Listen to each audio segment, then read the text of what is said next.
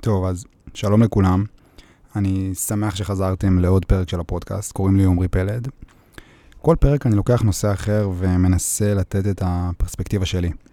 כי בסוף, הכל בחיים זה שאלה של פרספקטיבה.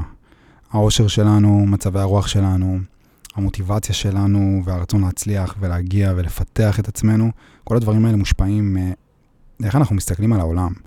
כי יש אנשים שתמיד מסתכלים על חצי הכוס הריקה, וכולנו מכירים אותם. הם תמיד ימצאו את מי להאשים, תמיד הם ימצאו תירוצים לכל דבר. כל דבר טוב שקורה, זה יהיה חייב להיות קונספירציה. הם תמיד ירגישו שעובדים עליהם, הם תמיד ירגישו פריירים, וזה גם איכשהו תמיד יגיע עם תחושה מזויפת של יומרנות ושל ביטחון. וכולנו מכירים את זה, כולנו מכירים את האנשים האלה. וזה בזבוז אנרגיה מטורף. ואף בן אדם שהצליח בכוחות עצמו, שאתם מכירים, לא היה במקום הזה. ההפך.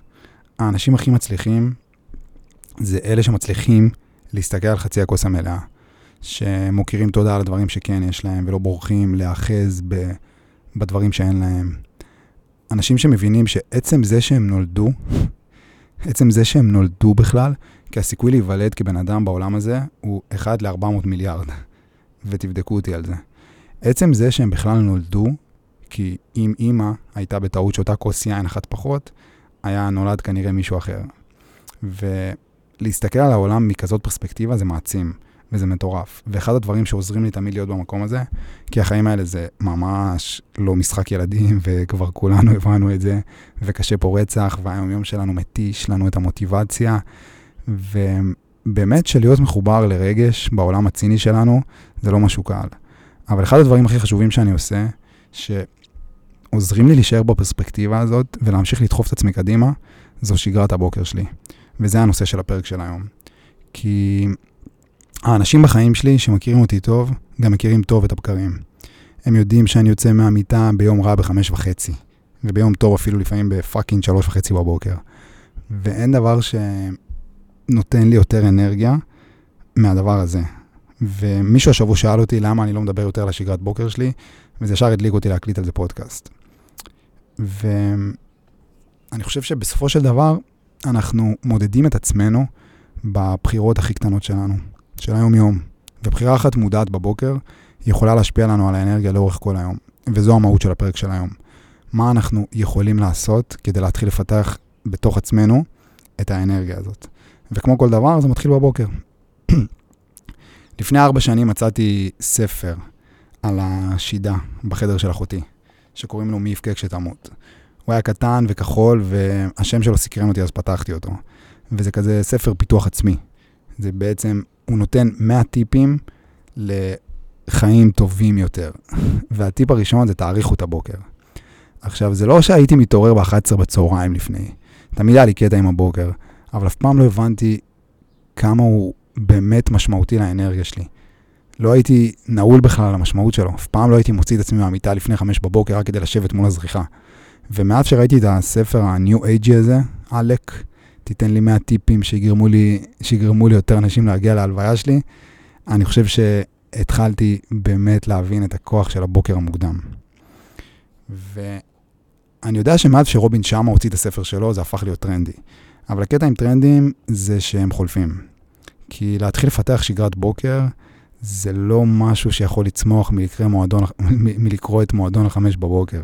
זה אולי טוב לסטורי באינסטגרם, אבל במציאות זה כל יום להילחם בשעון המעורר, כל פעם מחדש. אף פעם לא באמת מתרגלים לזה, בטח לא בחורף. אבל לצאת מהמיטה בחמש בבוקר, זה הדבר הכי טוב שאנחנו יכולים לעשות לאנרגיה שלנו.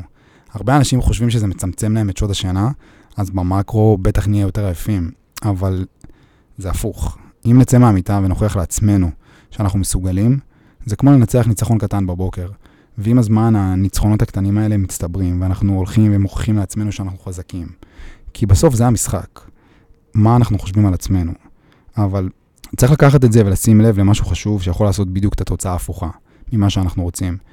כי אם כבר החלטנו שאנחנו הולכים על זה ושמים שעון לחמש בבוקר, הדבר הכי גרוע שאנחנו יכולים לעשות לעצמנו זה להתחיל להילחם עם הנודניק שלו. קודם כל, אם כל פעם נלחץ על הנודניק ונחזור לישון ונגיד שעוד תשע דקות אנחנו קמים, אז אנחנו בעצם משכנעים את עצמנו שאנחנו לא רוצים לקום. ושאנחנו מעדיפים להישאר במיטה. וזה פוגע במוטיבציה שלנו לאורך כל היום. אנחנו בעצם משכנעים את עצמנו שאנחנו לא רוצים לקום לתוך היום הזה. וזה הופך את היום להיות האויב שלנו. הדבר השני זה שזה ההפך מניצחון קטן, זה הפסד קטן, וכל פעם שאנחנו לוחצים על הנודניק, אנחנו מפסידים הפסד קטן על הבוקר, וההפסדים האלה הולכים להצטבר, ובמקום מלא ניצחונות קטנים שיגרמו לנו להחזיק מעצמנו, אנחנו נעבור הרבה הפסדים קטנים, שיגרמו לנו לשפוט את עצמנו, וזה לא טוב, כי לשפוט את עצמנו זה הדבר הכי גרוע שאנחנו יכולים לעשות לעצמנו, בטח בבוקר. וזה בדיוק ההפך עם כל הפרויקט הזה של להתעורר מוקדם.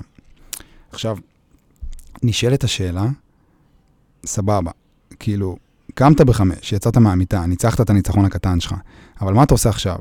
יש לך שעתיים עד שהעולם מתחיל להתעורר, לאן אתה לוקח את זה? אז אני פשוט אתן את השגרה שלי, אבל תזכרו, תזכרו שהיא שלי, ורק שלי. והשגרה שלכם צריכה להיות שונה והיא צריכה להיות שלכם. אני סתם נותן רעיונות, ואתם צריכים פשוט לקחת אותם וליישם אותם על עצמכם. כל אחד שיקח אותו למקום שלו.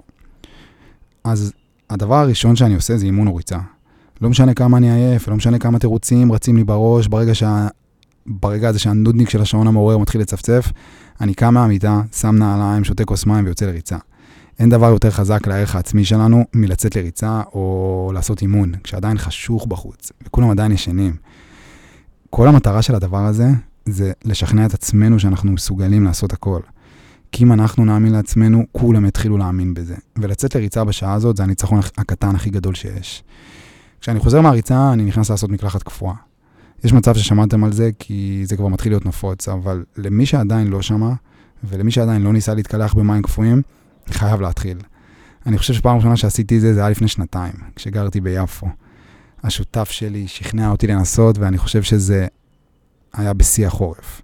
ואמרתי, יאללה, אני מנסה. ו... קראתי על זה ושמעתי שזה מאוד בריא, ואני חושב שזה בפ... בפעם הראשונה שנכנסתי למים הקפואים, צרחתי כמו ילד מפגר, וזה היה הדבר אולי הכי קשה שעשיתי, אבל התמכרתי. ו... וזה הקטע, כאילו, של... זה הקטע של המקלחת הקפואה.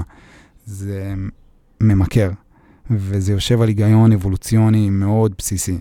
אנחנו בעצם מכניסים את המערכת שלנו לחרדה מבוקרת.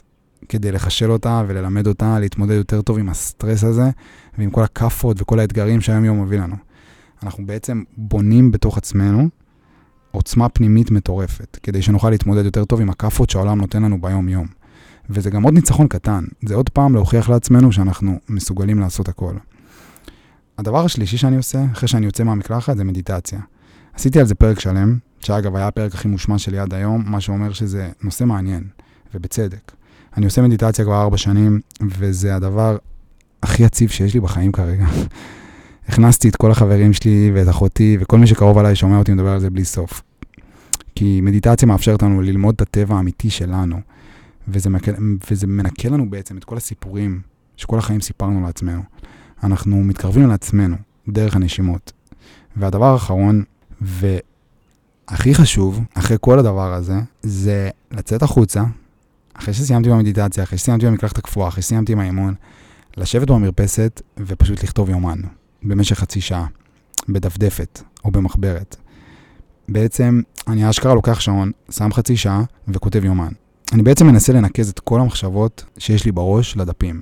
לא אמור להיות בזה איזשהו היגיון, אני לא עכשיו כותב סיפור, זה לא רק האנשים שכותבים, זה פשוט לקחת את כל המחשבות שעוברות לי בראש בבוקר ולהעיף אותם לדפים.